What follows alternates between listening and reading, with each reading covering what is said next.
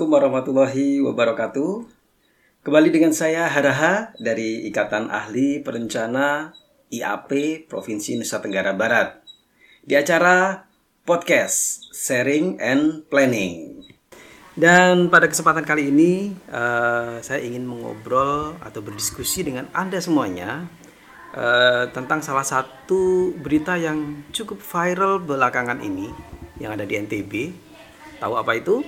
Nah, salah satunya adalah viral berkaitan dengan salah satu ikon yang ada di NTB, yaitu Gunung Rinjani.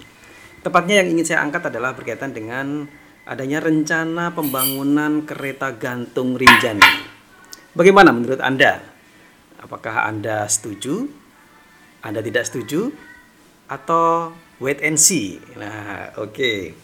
Kita akan membahas itu uh, dari beberapa tulisan-tulisan Eh, dan juga dari beberapa pernyataan karena memang berita ini sebenarnya sudah uh, beberapa kali muncul di media massa baik dan juga di media online. Nah, yang paling menggelikan atau yang mungkin bisa menjadi sebuah sorotan adalah uh, pemberitaan tentang rencana kereta gantung ini lebih banyak oleh pemerintah provinsi yang menyampaikan. Nah, apakah ini sebenarnya rencana dari pemerintah provinsi ataukah investor? Nah, yang perlu dilihat lagi adalah ternyata begitu ada berita ini eh, beberapa kelompok-kelompok masyarakat khususnya pemerhati lingkungan, kemudian eh, kelompok-kelompok masyarakat pendakian dan lain sebagainya. Ini mungkin kalau di prosentase mungkin akan banyak yang cenderung menolak berkaitan dengan rencana pembangunan kereta gantung ini. Akan tapi pemerintah dengan tetap semangat bahkan sampai mengeluarkan uh, beberapa jadwal-jadwal timing rencana pembangunan gitu kan. Itu seakan-akan memang sudah positif uh, berjalan. Kira-kira dikemanakan suara kelompok-kelompok masyarakat yang tidak setuju itu? Nah, harusnya para pendengar sekalian, uh, tugas ini adalah tugas dari investor untuk membuat semacam kelayakan dari rencana pembangunan tersebut. Jadi jangan belum-belum sudah dibenturkan antara pemerintah dengan masyarakat. Karena nanti pasti yang akan bertepuk tangan atau yang mendapatkan keuntungan besar adalah investor tersebut. Nah, bagaimana dengan e, rencana tersebut? Kita coba kulik satu persatu berkaitan dengan e, apa dan bagaimana Gunung Rinjani, kemudian kereta gantung, kemudian dari beberapa sudut pandang analisis, kira-kira kalau kita timbang-timbang, kalau kita takar, mana yang lebih menguntungkan? Apakah rencana itu sesuai atau rencana itu harus ada persyaratan atau harus ada eh, hal-hal uh, yang harus dilengkapi atau rencana itu ternyata tidak sesuai? Oke. Yang pertama, para pendengar sekalian, kita akan coba men, apa namanya, mengulik berkaitan dengan Gunung Rinjani. Para peserta, uh, para pendengar sekalian, uh, bisa kita pahami kenapa masyarakat uh, langsung bereaksi begitu ada rencana yang ada kaitannya dengan Gunung Rinjani. Jadi kita pahami bahwa Gunung Rinjani ini merupakan salah satu ikon yang ada di Pulau Lombok dan juga yang ada di Provinsi Nusa Tenggara Barat Bahkan kalau e, bisa dikatakan bahwa Gunung Rinjani ini adalah pasaknya untuk Pulau Lombok. Jadi e, dasar strukturnya dari Pulau Lombok ini e, adalah dari Gunung Rinjani. Kan. Center atau pusat magnet dari Pulau Lombok ini adalah Gunung Rinjani. Itu ada beberapa yang mempercayai semacam itu. Nah, apakah memang seperti itu? Nah, ternyata memang ada beberapa hal yang cukup menarik yang mungkin bagi sebagian kita sudah sering mendengar, tapi juga mungkin bagi sebagian yang lain uh, belum pernah mendengar dan kita bisa sharing bersama. Kita tahu bahwa Gunung Rinjani memang menjadi ikon dari Pulau Lombok dan ternyata dia memiliki banyak nilai penting yang terkandung di dalamnya. Uh, salah satunya adalah Gunung Rinjani dengan ketinggian 3.726 meter di atas permukaan laut Ini merupakan salah satu gunung tertinggi kedua setelah Gunung Kerinci yang ada di Indonesia. Gunung Baru Jari atau anak dari Gunung Rinjani sendiri ini adalah anak gunung api tertinggi yang ada di Indonesia. Jadi cukup menarik ya. Itu statusnya dari Gunung Rinjani dan juga Gunung Baru Jari yang merupakan anak dari Gunung Rinjani. Oke, kemudian dari sejarah letusannya tahun 1257 ini dicatat sebagai salah satu letusan terdahsyat sepanjang masa zaman manusia modern. Jadi zaman di mana manusia mulai mengenal tulis menulis, catat mencatat. Nah, ini dikatakan sebagai salah satu letusan terdahsyat pada saat itu. Bahkan salah satu uh, peneliti dari Prancis namanya Frank Lovin ya kan, itu menemukan beberapa hal yang cukup menarik bahwa letusan dari Gunung Rinjani itu bahkan sampai di uh, kutub, daerah kutub. Karena jenis abu yang ditemukan di kutub tersebut itu sama persis dengan karakter abu yang dilontarkan uh, oleh Gunung Rinjani. Sehingga hasil dari penelitian itu mengatakan bahwa sampai ke sana gitu kan. Nah, berarti betapa luar biasanya pada saat itu. Nah, Kemudian yang lain, eh, para pendengar sekalian, bahwa eh, Gunung Rinjani ini dikatakan sebagai sumber air Pulau Lombok. Nah, dari hasil penelitian ternyata ada cekungan air tanah atau eh, CAT, gitu kan. Itu kalau di Pulau Lombok, kalau di geolistrikkan, itu ternyata memang CAT terbesar itu ada di Gunung Rinjani. Memang ada beberapa CAT CAT yang lain tapi skalanya dia kecil. Artinya cakupan terhadap e, penyimpanan air tanah itu ternyata tidak terlalu besar yang lain.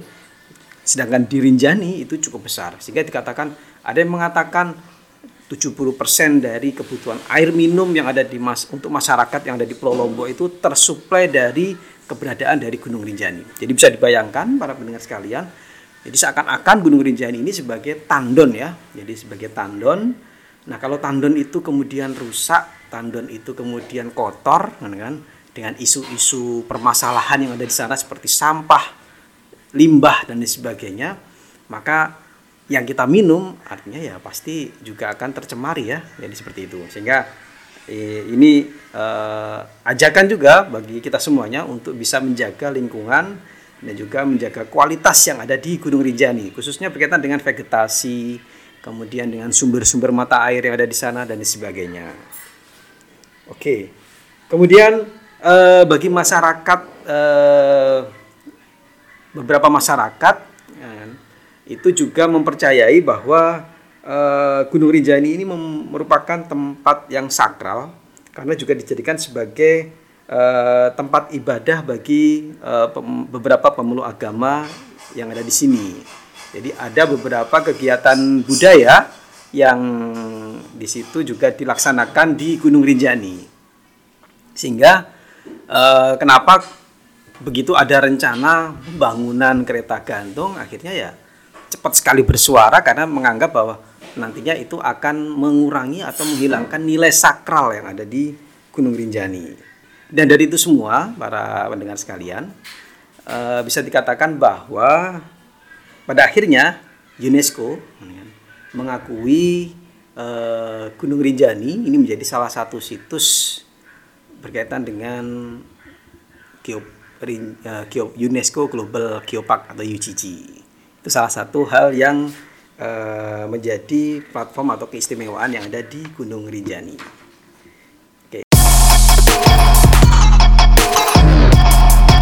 Jadi kalau tadi kita sudah mengupas berkaitan dengan keistimewaan dari Gunung Rinjani, kira-kira bagaimana sih aktivitas yang ada di Gunung Rinjani saat ini?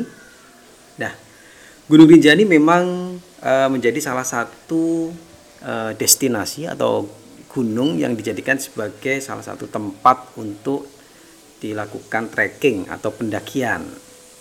Dan animo ini ini juga ternyata semakin dari tahun ke tahun sebelum beberapa bencana yang terjadi di Lombok ini memang trennya selalu meningkat karena memang ada beberapa yang e, percaya bahwa belum dikatakan sebagai seorang pendaki kalau belum diwisuda di Gunung Rinjani. Nah, ini juga menjadi sebenarnya menjadi peluang bagi uh, kita dengan masyarakat Lombok untuk menarik wisatawan khususnya dari minat khusus yaitu pendakian untuk mendaki di Gunung Rinjani.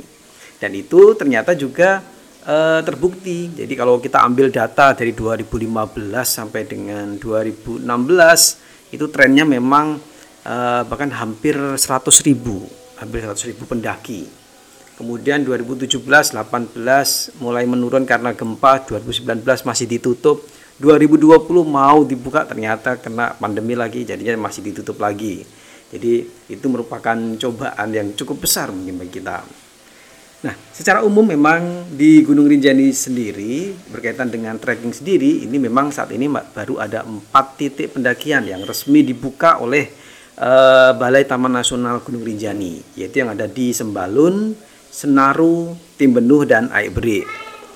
Sedangkan jalur-jalur yang lain yang mungkin juga dimanfaatkan itu mungkin belum secara resmi dibuka oleh Balai Taman Nasional karena yang pasti jalur itu akan dibuka secara resmi jika telah memenuhi beberapa kriteria khususnya berkaitan dengan safety. Nah, itu yang perlu uh, apa namanya?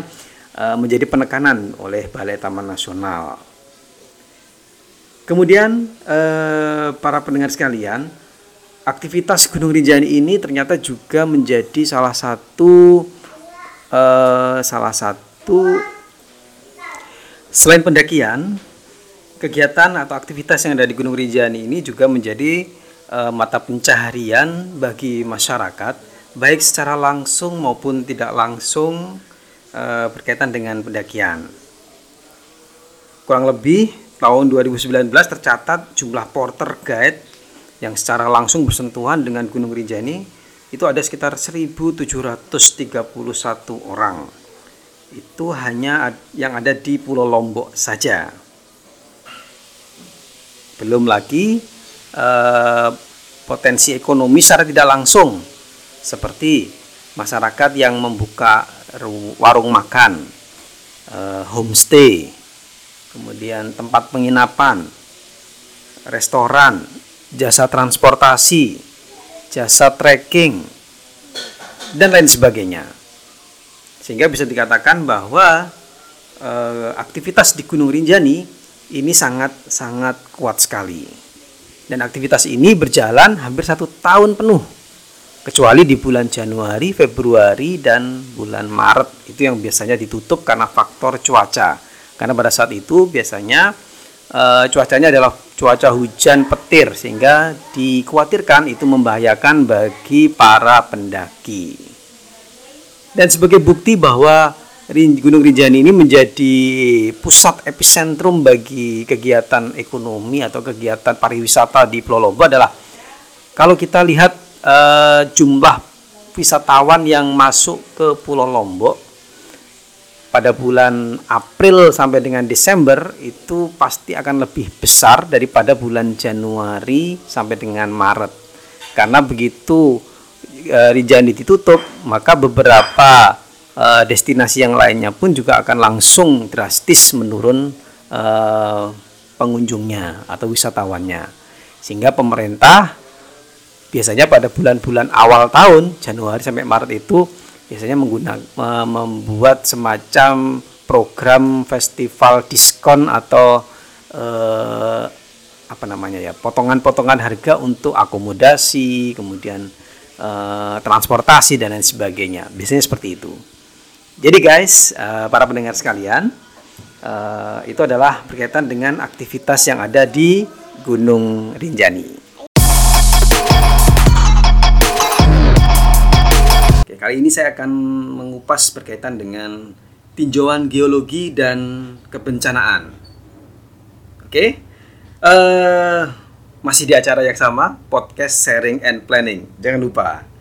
Oke, para pendengar sekalian. Uh, di item sebelumnya saya menyampaikan bahwa e, ternyata memang status sebagai UNESCO Global Geopark kemudian keberadaan rencana kereta gantung ternyata tidak hanya Rinjani yang apa namanya yang baru berencana mau membangun tetapi ada kawasan-kawasan geopark UNESCO yang lain yang juga ternyata telah memiliki kereta gantung. Nah, apakah itu kemudian membenarkan? Kita coba kupas dari sisi geologi dan kebencanaan. Para pendengar sekalian, dari sudut pandang geologi, eh, rencana pembangunan kereta gantung ini yang pasti harus memper, memperhatikan karakter dari struktur geologi.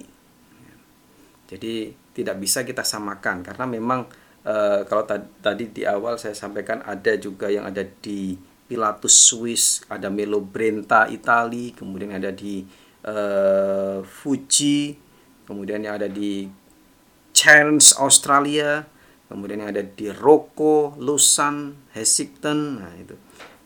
Kira-kira struktur geologinya sama enggak ya dengan yang ada di Pulau Lombok khususnya yang ada di Gunung Rinjani? Nah itu juga bisa kita lihat. Ternyata di negara-negara lain yang tadi saya sebutkan itu ternyata secara struktur geologi itu memiliki uh, karakter struktur geologi tua atau keras. Jadi rata-rata memiliki umur uh, batuan sekitar 230 juta tahun itu yang ada di ada Melobrinta Itali kemudian yang ada di Chance Australia itu memiliki umur 420 juta tahun. Kemudian yang ada di Kobe Gunung Roko tadi itu memiliki umur 70 sampai 65 juta tahun. Nah sedangkan yang ada di Gunung Rinjani Pulau Lombok ini memang karakternya memang eh, batuan muda. Artinya e, memiliki gunung api muda yang karakternya adalah masih lepas-lepas. Kemudian juga dia memiliki karakter yang e, secara apa namanya? kelerengan itu cukup cukup tinggi. Sehingga e, ini perlu diperhatikan khususnya bagi investor kan. Karena dengan karakter struktur geologinya yang seperti itu itu memberikan sebuah tantangan khususnya berkaitan dengan uh, bagaimana membuat sebuah pondasi, struktur pondasi untuk eh, tiang-tiang uh, pancang dari kereta gantung ini. Memang tidak semuanya dibuat struktur bangunan yang tertutup tidak, tetapi di titik-titik itulah karena nanti ada beban. Karena kita informasi yang ada bahwa panjang dari jalur yang ada di kereta gantung Rinjani ini 10 sampai 12 km. Jadi bisa dibayangkan ini bisa menjadi kereta gantung terpanjang sebenarnya. Tetapi juga resikonya pun juga cukup berat dari struktur geologi kan secara teknis uh, sipil kan maka dibutuhkan uh, apa namanya pondasi struktur yang dalam karena dia harus mencari sampai ke tanah bagian tanah yang keras atau bagian batu yang keras dan itu dipastikan uh, itu akan sangat dalam sekali sehingga rekayasa geologi atau rekayasa teknis yang dilakukan itu pasti menggunakan teknologi masukan yang cukup tinggi dan itu pasti akan berdampak pada uh, sisi budgeting atau investasi. Kemudian juga perlu diperhatikan bahwa uh, dari sisi kebencanaan, jadi kita sempat uh, diingatkan di 2018 dengan bencana uh, gempa yang begitu besar. Tetapi juga jangan salah bahwa bencana itu sebenarnya kalau di kawasan Gunung Rinjani ini uh, hampir setiap hari itu terjadi getaran atau gerakan karena memang uh, dari pusat uh, pusat informasi Gunung Api Rinjani itu diinformasikan bahwa setiap hari itu pasti ada uh, getaran karena ada pergerakan. Pergerakan uh, tanah uh, lava lahar karena masih aktif khususnya yang ada di Gunung Baru Jarinya. Sehingga itu perlu menjadi perhatian karena memang karakternya uh, di kita untuk maintenance sebuah peralatan apalagi peralatannya yang teknologi masukan tinggi itu terkadang masih uh, sering lalai sehingga uh, sisi safety untuk pengguna uh, kereta gantung nantinya itu juga perlu kita perhatikan menjadi perhatian khususnya bagi investor yang nanti akan akan masuk. Nah, yang perlu dipikirkan lagi adalah dengan tadi teknologi masukan tinggi, investasi yang sangat besar, pertanyaannya adalah berapa ya kira-kira harga tiket yang nanti eh, ditetapkan untuk bisa naik itu? Kira-kira bagi masyarakat lokal atau wisatawan domestik masih mampu enggak ya gitu kan. Kekhawatirannya kalau dari sudut pandang saya jangan-jangan ini hanya ekornya saja gitu Badan dan kepalanya belum kelihatan. Karena oke okay, mungkin bisa dipangkas biaya tiketnya tapi juga akan dikembangkan fungsi yang lainnya. Fungsi cottage, mall, hotel dan lain sebagainya di kawasan-kawasan tersebut.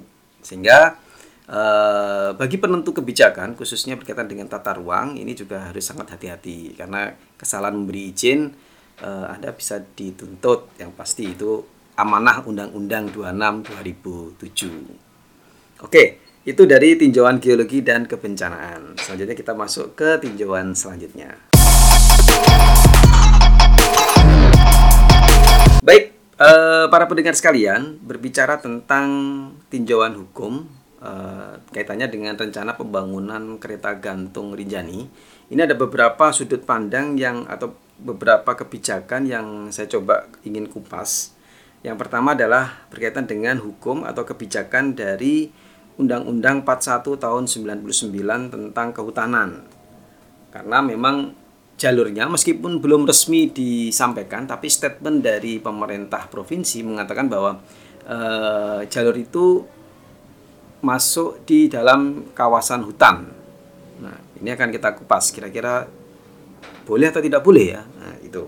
Kemudian yang kedua uh, saya juga akan mencoba untuk mengupas berkaitan dengan Undang-Undang 26 tahun 2007 tentang penataan ruang. Nah, katanya karena di situ ada rencana development plan, kan, itu harus terwadai dari sebuah spatial plan-nya. Kira-kira sudah terwadai belum? Kalaupun sudah, sesuai belum? Kalaupun belum, kalau mau diadakan, boleh enggak? Nah, itu akan coba kita bahas uh, dari beberapa uh, pasal per pasal mungkin nanti ada beberapa pasal yang langsung berhubungan langsung. Nah, nanti akan coba kita kita bahas. Kemudian juga uh, berkaitan dengan kebijakan atau undang-undang nomor 24 tahun 2007 tentang uh, kebencanaan. Karena memang uh, status atau dari karakter dari lokasi yang akan dibangun itu memang memiliki uh, potensi bencana yang yang cukup besar. Mungkin uh, selanjutnya nanti akan kita bahas dari sisi undang-undang yang lain atau kebijakan yang lain, kan? Tapi sementara akan kita bahas di tiga kebijakan itu. Baik, uh, yang pertama para pendengar sekalian berkaitan dengan Undang-Undang Nomor 41 Tahun 99 uh, tentang kehutanan. Ini memang ada beberapa pasal berkaitan dengan rencana pembangunan tersebut. Itu memang saya kategorikan ada pasal yang memang di situ mengatakan boleh, tapi ada yang kemudian e, menjadi ada yang positif ada yang negatif nah, jadi bukan boleh tidak boleh tapi ada yang positif ada yang negatif positif ini artinya ya memang e, oke okay, inline artinya memungkinkan. Tapi yang negatif artinya dia persyaratannya apakah sesuai tidak kalaupun sesuai ya silakan. Tapi kalau tidak sesuai berarti kan harus ada kebijakan dari pemerintah untuk menentukan itu. Yang pertama kalau kita lihat dari pasal 8 berkaitan dengan kewenangan eh, kewenangan pemerintah dalam penetapan kawasan hutan tertentu untuk tujuan khusus. Karena tujuan khusus karena di sini hutan yang ada statusnya adalah eh, ada yang hutan produksi, ada yang hutan lindung posisinya. Kemudian ada sebuah tujuan khusus yang ingin dikembangkan di kawasan hutan tersebut. Nah, kemudian uh, artinya memungkinkan positif positif untuk dilakukan karena memang itu ada tujuan khususnya. Nah, tetapi di tujuan khusus itu itu juga diperjelas bahwa tujuan khusus yang diperbolehkan adalah untuk penelitian dan pengembangan, pendidikan dan latihan, serta religi dan budaya. Nah, ini yang harus di, diperhatikan. Boleh katakanlah nanti yang menyusun FS dari anu oh ini juga menjadi bagian dari pendidikan. Oh silahkan gitu kan. Silakan. Tapi nanti kita lihat e, lebih dalam apakah memang prosentase pendidikannya itu besar ataukah hanya kecil atau ekonominya yang besar atau seperti apa? Nah, ini nanti cara cara kita menghitungnya.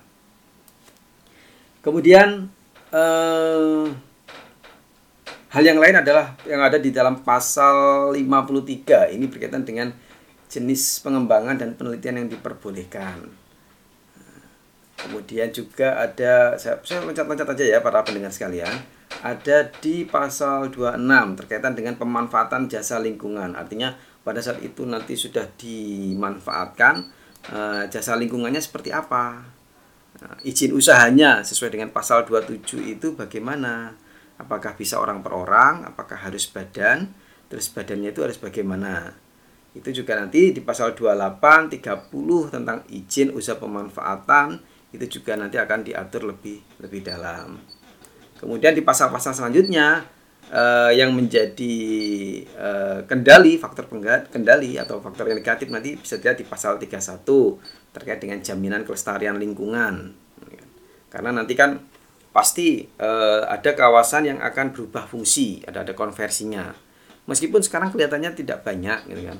Dengan panjang 12 10 sampai 12 km kemudian uh, saya belum tahu ya berapa nanti beban yang akan ditetapkan atau yang akan diplotkan di kereta gantung itu. Sehingga nanti dia akan kebutuhannya itu per berapa panjang sehingga akan ketahuan strukturnya ada berapa titik kan? Nah kemudian dari masing-masing titik tersebut nah itu juga perlu diperhatikan apakah nanti hanya sekedar titik kemudian muter lagi atau di situ ada ada terminal-terminalnya nah, itu juga e, menjadi perhatian di dalam Undang-Undang 41 tahun 99 tentang kehutanan artinya ya bisa dikatakan boleh tapi bolehnya itu bersyarat bersyaratnya pun itu sudah ditetapkan dengan sangat jelas sekali. Nah, nanti tinggal diukur e, kereta gantung itu berapa persen yang di situ ke arah e, tujuan khusus itu penelitian pengembangan, pendidikan, latihan, religi, budaya atau hanya sekedar ekonomi. Nah, silakan nanti bisa dikupas e, lagi oleh ahli hukumnya. Kemudian dari Undang-Undang Tata Ruang e, para pendengar sekalian yaitu Undang-Undang 26 2007. Sebenarnya ini e, karena berkaitan dengan keilmuan saya, saya bisa inginnya mengupas lebih dalam sekali, tapi karena kendalanya adalah kita belum tahu ya jalur resminya yang mau dibangun itu di titik mana, sehingga kita tidak bisa mengukur atau menganalisis lebih dalam, khususnya berkaitan dengan konversi lahannya. Jadi perubahan yang akan dibuat uh, oleh investor dengan rencana pembangunan kereta gantung itu sampai berapa banyak merubahnya, kemudian kompensasi yang harus di e, dilakukan karena merubah fungsi hutan itu harus ada kompensasinya gitu kan. Berapa luasannya? Mungkin masih mampu bagi investor saya yakin mampu gitu kan. Untuk merubah katakanlah oh saya hanya merubah sekitar e, satu hektar total gitu kan. Maka kompensasinya 10 kalinya katakanlah bisa gitu. Saya yakin pasti mereka bisa gitu kan. Tetapi catatannya ternyata e, banyak hal yang harus di apa namanya ditetapkan jadi tidak hanya kompensasi saja jadi itu yang harus diperhatikan kemudian e, berkaitan dengan panjang jalur nah panjang jalur itu kalau informasinya 8 sampai 10 atau bahkan sampai 12 km itu informasi awal itu mulai dari titik desa Karangsidemen kemudian memasuki kawasan hutan produksi Nah, kemudian titik akhirnya akan dicari titik yang paling dekat dengan titik pelawangan pendakian Gunung Rinjani. Nah, ini ini eh, kalau kita sendiri yang memplotting ya bisa salah gitu kan. Kalau salah analisanya jelas berbeda gitu kan. Tapi saya coba lihat dari sisi yang lainnya. Kalau kita ngomong berkaitan dengan tata ruang, eh, Undang-Undang 26 2007 kemudian saya coba breakdown ke tata ruang yang lebih uh, rendah jadi kita ada RT RW nasional RT RW provinsi kabupaten maupun kota kalau lihat dari jalurnya tersebut mungkin yang akan uh, berhubungan langsung adalah mulai dari RT RW nasional RT RW provinsi atau RT RW yang ada di Kabupaten Lombok Tengah Lombok Tengah karena di Karangsidemen uh, sampai mencari titik pelawangan terdekat dari uh, pelawangan pendakian Gunung Rinjani. Kemungkinan adalah di Lombok Tengah. Di RT RW tersebut, di RT tersebut, uh, saya belum mendapatkan ada rencana baik struktur maupun pola ruang berkaitan dengan kereta gantung tersebut. Artinya uh, rencana kereta gantung itu memang belum teridentifikasi atau belum termaktub di dalam rencana-rencana tata ruang yang ada. Nah, kemudian saya coba kupas dari Undang-Undang 26 2007. Ada beberapa pasal uh, yang terkait dengan kawasan Gunung Rinjani yaitu di uh, pasal 8 ini sebagai kawasan strategis nasional dari sudut pandang pelestarian lingkungan. Nah, sehingga dari undang-undang tersebut ditindaklanjuti keberadaan uh, Balai Taman Nasional Gunung Rinjani. Nah, kemudian juga uh,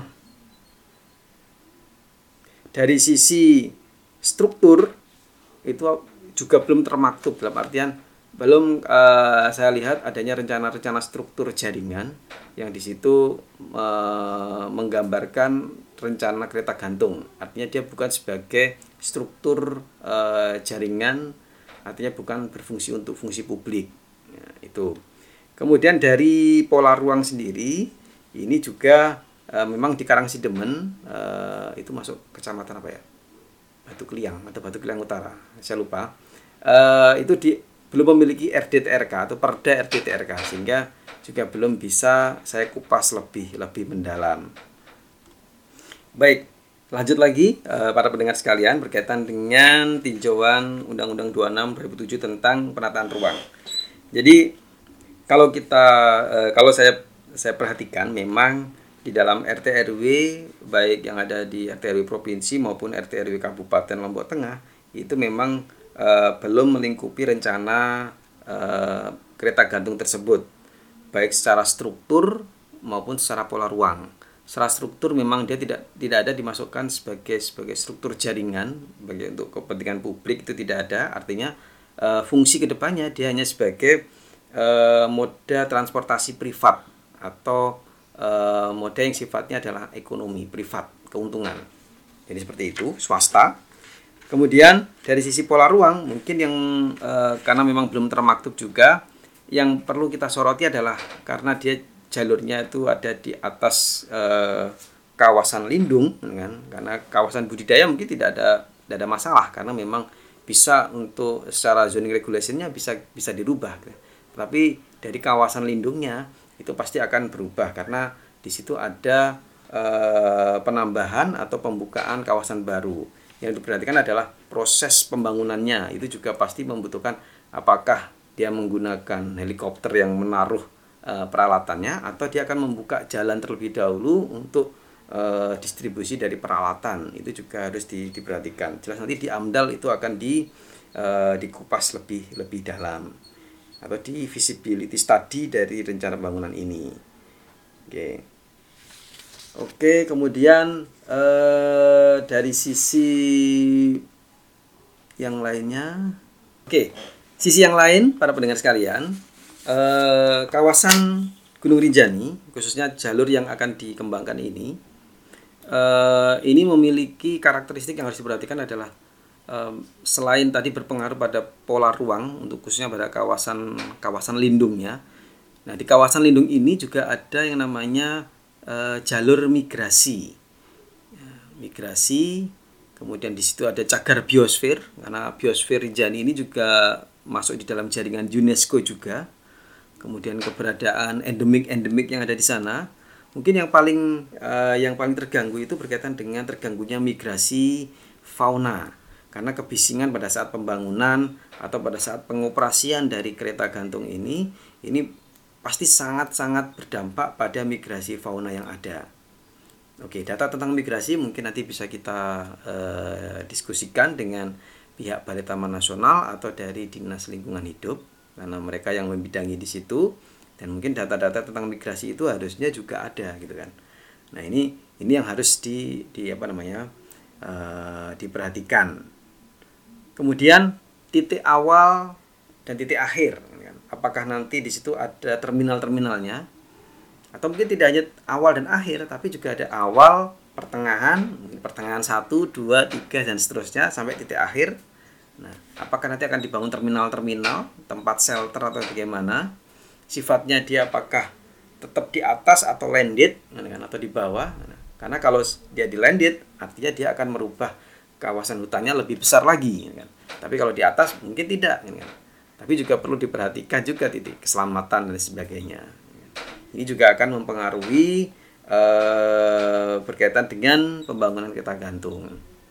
Kemudian dari sisi kebijakan Undang-Undang 24 2007 tentang eh, kebencanaan, ini khususnya berkaitan dengan pasal 6 berkaitan kaitannya dengan tanggung jawab pemerintah dalam penanggulangan bencana. Artinya, segala kegiatan yang berpotensi besar mendatangkan bencana, maka harus diperhatikan menjadi perhatian yang serius. Nah, karena juga tadi disebutkan uh, di poin yang sebelumnya saya sampaikan bahwa kawasan Gunung Rinjani ini merupakan karakteristiknya adalah uh, gunung api muda yang sifatnya masih lepas-lepas karakter batuan atau tanahnya. Kemudian juga keberadaan gunung baru jari yang masih aktif yang mana tiap hari juga terjadi pergeseran atau terjadi gempa-gempa yang sifatnya gempa vulkanik yang intensif intensitasnya ini memang bervariasi sekali. Belum lagi ancaman gempa tektonik eh, yang eh, diprediksi kalau kemarin beberapa ahli mengatakan ini mungkin prediksinya atau ringnya adalah 20 tahunan.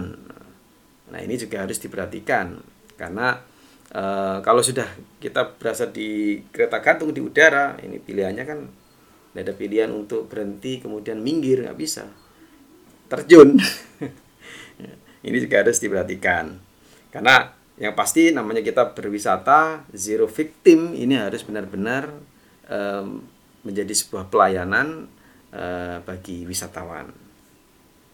Oke. Selanjutnya kita masuk ke uh, tinjauan yang lainnya.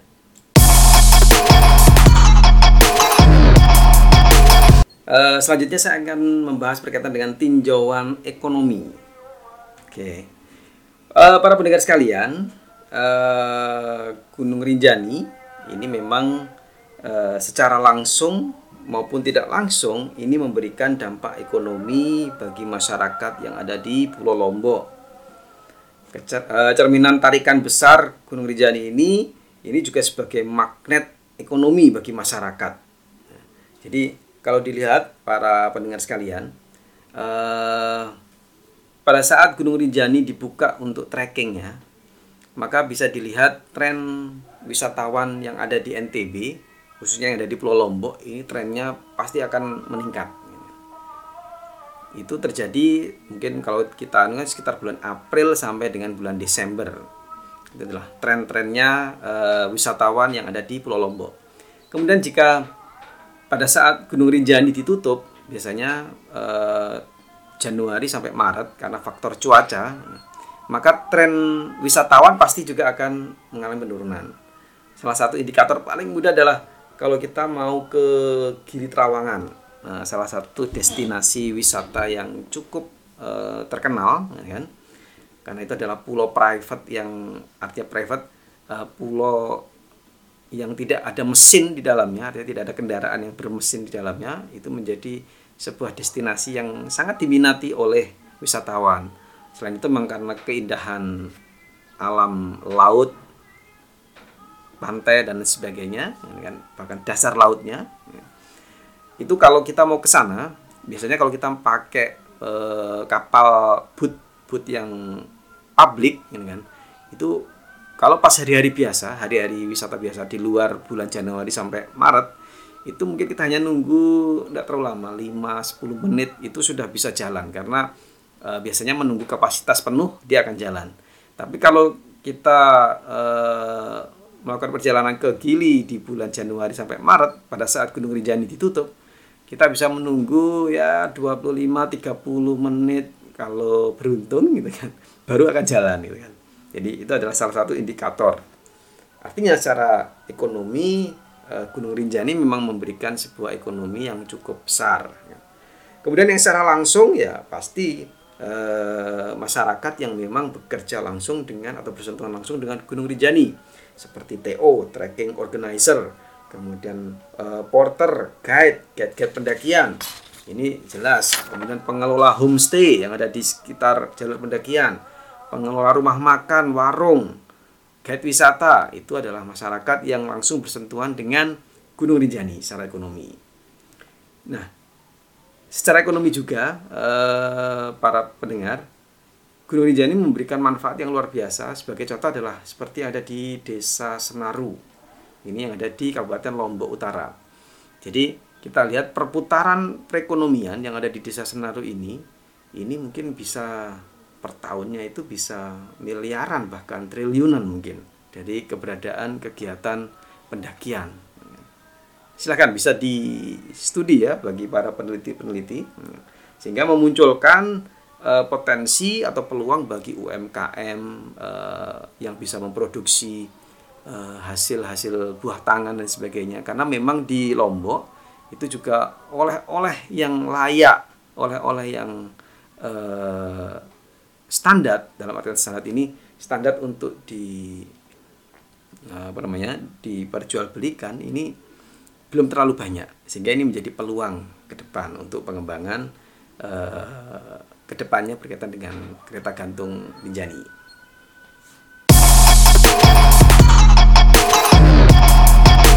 Sekarang saya akan masuk berkaitan dengan tinjauan sosial dan pariwisata. Dari tinjauan sosial, para pendengar sekalian, eh, respon yang dimunculkan oleh masyarakat pada saat eh, informasi atau berita tentang rencana kereta gantung ini memang eh, beragam. Ya. Jadi tetapi juga prosentase secara realnya memang belum bisa dipastikan gitu kan. Akan tetapi eh, setelah wacana itu mengemuka, respon memang langsung bermunculan. Nah, respon yang sangat kuat dan terang-terangan muncul adalah respon yang sifatnya adalah menolak atau negatif. Hal ini khususnya disuarakan oleh masyarakat uh, atau kelompok-kelompok pecinta alam. Kemudian dari masyarakat adat. Kemudian juga uh, masyarakat yang berada di sekitar kaki Gunung Rinjani dan yang berada di sekitar gerbang uh, pendakian Gunung Rinjani yang saat ini mendapatkan manfaat langsung keberadaan dari Gunung Rinjani secara langsung maupun tidak langsung. Karena dengan rencana kereta gantung tersebut memang ada ketakutan, kekhawatiran bahwa ini nanti akan mematikan ekonomi mereka. Porter, wah orang akan berpindah, berpindah minat dari yang biasanya mendaki, kemudian berpindah udah naik kereta aja deh, kan? Sehingga porter pun juga mengalami ketakutan, wah nanti bisa mengurangi income saya. Itu dari porter. Kemudian eh, sama halnya dengan uh, masyarakat yang bergerak uh, yang punya warung, kemudian yang punya penginapan, kemudian yang punya uh, homestay gitu kan. Rumah makan, jasa transportasi, trekking organizer. Nah, ini juga pada akhirnya juga ada kekhawatiran gitu loh. Jangan-jangan dengan keberadaan uh, kereta gantung itu nanti uh, ada perpindahan minat dari orang yang minatnya trekking kemudian uh, berpindah untuk uh, udah naik kereta gantung aja gitu kan lebih simple atau lebih mudah bahkan jadi seperti itu nah bagaimana dengan masyarakat yang uh, mungkin sementara ini cenderung tidak terlalu bersuara tetapi uh, cenderung mungkin mengiyakan. Ini khususnya kalau kemarin di beberapa uh, talk show yang dilakukan oleh beberapa kelompok yang ada di Lombok, di Mataram itu juga khususnya masyarakat yang seperti di Karang Sidemen yang rencananya itu menjadi titik awal uh, atau titik start untuk kereta gantung tersebut ya cenderung uh, ada yang mengiyakan karena dengan keberadaan itu maka bisa membangkitkan ekonomi yang ada di sana. Nah, untuk itu pasti pro kontra itu akan terjadi apa pun rencana uh, itu pasti akan terjadi pro dan kontra. Ada kepentingan-kepentingan di sana yang memang uh, yang memang akan muncul gitu kan. Untuk itu uh, harapannya di dalam kajian kelayakan itu faktor sosial itu harus benar-benar di uh, apa namanya diperkuat karena untuk keberlangsungan kereta gantung. Jadi jangan sampai pada saat kereta gantung dibangun tapi ternyata memang e, secara sosial banyak yang kurang setuju atau banyak yang menolak pada akhirnya berimbas pada satu aktivitas-aktivitas yang negatif gitu kan karena keberadaan dari maintenance keberadaan dari peralatan ini kan tidak sembarangan. Sehingga kalau terjadi penolakan maka itu yang e, dikhawatirkan. Oke itu dari tinjauan sosial. Kemudian e, beralih ke tinjauan pariwisata. Oke e, berkaitan dengan tinjauan pariwisata jelas e, keberadaan rencana kereta gantung ini menjadi sebuah e, apa namanya e, nilai positif kan? Sangat positif karena membantu apa namanya memperkaya, memperbanyak atraksi bahkan destinasi baru pariwisata pilihan bagi uh, wisatawan untuk melakukan aktiviti yang ada di uh, Lombok khususnya. Jadi seperti itu. Sehingga uh, perkembangannya uh, ini diharapkan menjadi atraksi kereta gantung mampu mencari segmen baru. Jadi bukan mencaplok uh, segmen yang sudah ada tapi diharapkan men bisa mencari segmen baru atau segmen tersendiri uh, sehingga uh, tanpa mengambil segmen katakanlah wisata trekking yang selama ini sudah sudah berjalan. Oke, tapi juga tidak menutup kemungkinan memang uh, akan ada beberapa persen perpindahan uh, segmen. Jadi karena ada arsiran di antaranya karena uh, objeknya sama gitu kan. Objeknya sama-sama ada di ada di Gunung Rinjani jadi seperti itu. Nah caranya adalah jangan sampai katakanlah kalau ini usul dari saya jangan menggunakan trek yang sama artinya jalur yang sama. Jalur yang sudah dipatenkan menjadi jalur pendakian biar itu menjadi jalur pendakian. Kereta gantung jangan menggunakan jalur itu. Harus mencari jalur yang lain. Itu sebuah pilihan. Kemudian e, harus ada batasnya karena kalau kalau di awal pemerintah provinsi mengatakan bahwa e, jalur tidak akan memas tidak akan masuk atau masuk di dalam zona inti, maka yang pasti ada keterbatasan dari kereta gantung ini sampai pada titik tertentu yang mungkin tinggal mencari spot yang paling indah e, untuk dijadikan spot akhir dari perjalanan kereta gantung itu. Tinggal nanti tambahannya adalah interpretasi e, perjalanan sepanjang jalur itu karena kalau dengan panjang 8, 10 sampai 12 km itu sangat panjang sekali jas ya. Sehingga banyak interpretasi yang bisa diberikan kepada uh, apa namanya? pengguna uh, atraksi kereta gantung sehingga tanpa harus menuju ke Pelawangan, tanpa harus menuju ke Segara Anak, ke summit dari Gunung Rinjani, mereka sudah bisa mendapatkan informasi gambaran tentang Gunung Rinjani pada secara secara utuh. Oke, selanjutnya adalah tinjauan terkait dengan investasi. Uh, jelas investor uh, memandang ini sebagai sebuah investasi yang dirasakan cukup um, potensial gitu kan karena memang uh, seperti di awal saya ceritakan tentang bagaimana keistimewaan dari Gunung Rinjani kemudian juga uh, bagaimana uh, apa namanya hal-hal yang melatar belakangi dari Gunung Rinjani ini tren uh, wisatawan yang naik itu juga seperti itu, maka ya potensinya cukup cukup besar. Apalagi dengan keberadaan uh, Lombok ini juga punya di kawasan selatannya adalah KEK Mandalika, kawasan ekonomi khusus Mandalika. Kemudian keberadaan event-event internasional seperti rencana GP 500 cc tahun 2021. Uh, kemudian beberapa tahun ke depan selanjutnya secara kontrak, maka itu akan memiliki sebuah tarikan yang luar biasa uh, sehingga investor memandang ini sangat layak dan seperti itu sehingga uh, dan itulah yang ditangkap sepertinya oleh pemerintah provinsi uh, karena semangatnya adalah bagaimana berinvestasi yang besar mengundang investasi sebesar besarnya ya ini mungkin dianggap sebagai salah satu peluang uh, investasi untuk pengembangan yang ada di NTB tapi pertanyaannya atau titik poin yang harus di, dipertahankan adalah bagaimana agar sebesar-besarnya masyarakat yang mendapatkan. Jangan sebesar-besarnya investor yang mendapatkan. Karena kalau investor yang mendapatkan, ya sebagian besar pasti akan dibawa keluar dari NTB. sehingga perputaran keuangan saving masyarakat itu tidak akan bisa meningkat signifikan kalau uangnya akan dibawa ke keluar jadi seperti itu harus diperhatikan kalau dari sudut pandang saya adalah uh, investasi ini karena dia uh, apa namanya membutuhkan teknologi masukan yang cukup tinggi dengan rekayasa geologinya struktur geologi yang uh, cukup berat karena karakter dari geologi yang ada di kawasan Gunung Rinjani seperti itu maka sangat memungkinkan investasinya bukan investasi yang uh, kecil pasti investasi yang besar.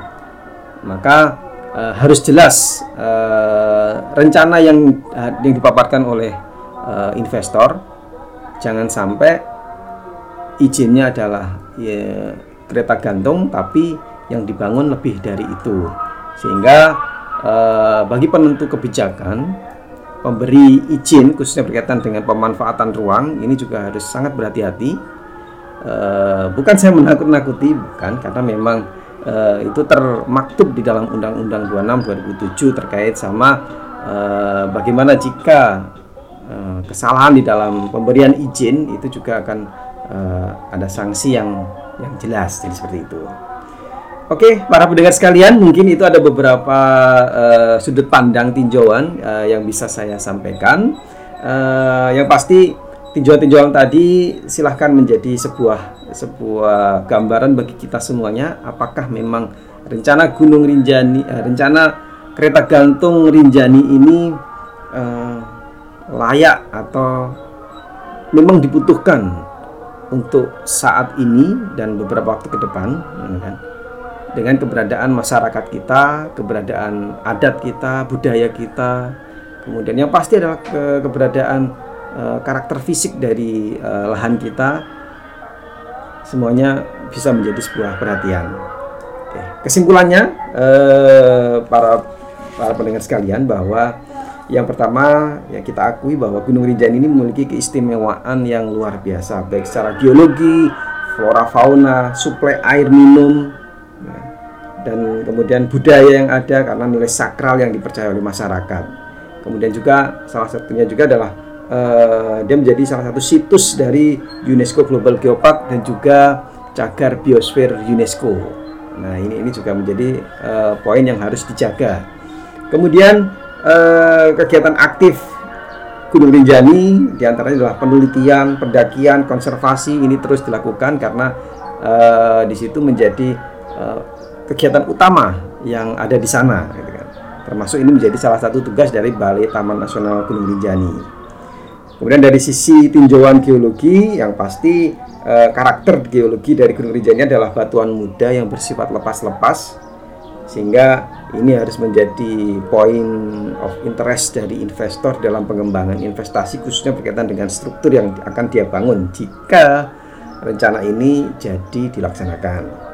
Kemudian dari sisi kebencanaan yang pasti keberadaan uh, Pulau Lombok ini terdapat lempeng gempa aktif di utara dan selatan. Jadi uh, di utara mungkin lebih kecil, uh, tetapi karena dia lebih dekat dengan daratan sehingga goncangannya lebih lebih kuat.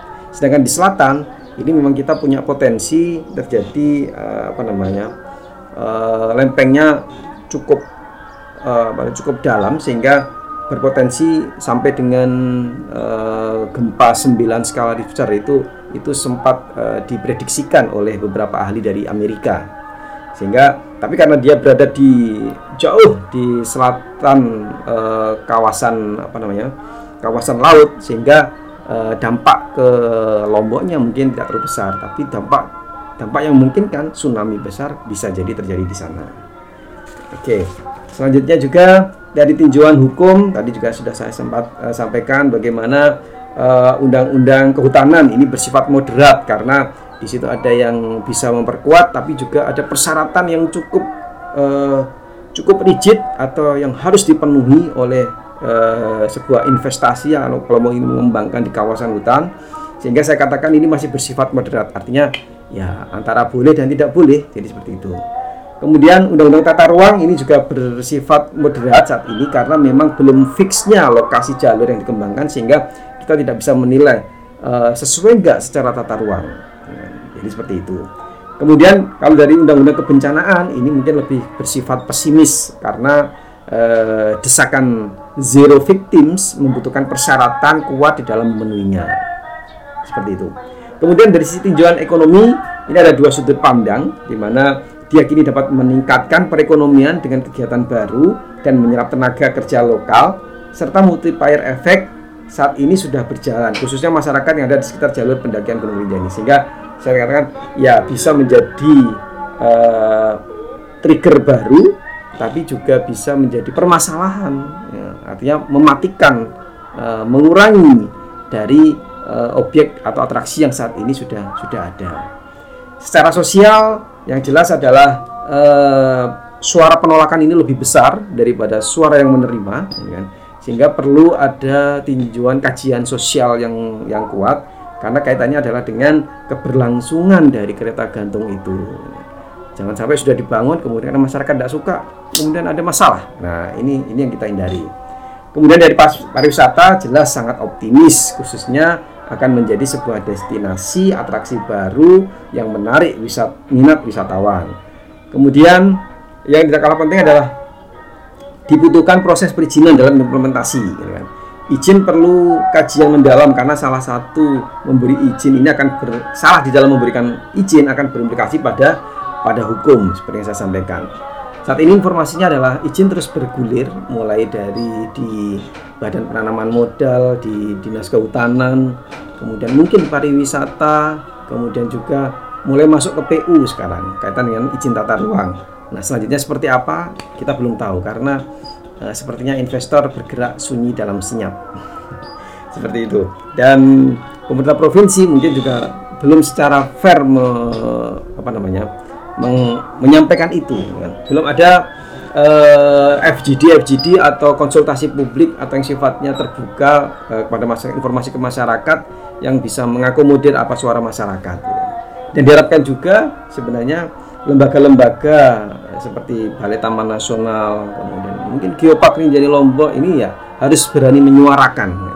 harus berani menyuarakan uh, bagaimana pandangan-pandangannya secara ya secara netral, ya secara netral seperti apa, ya.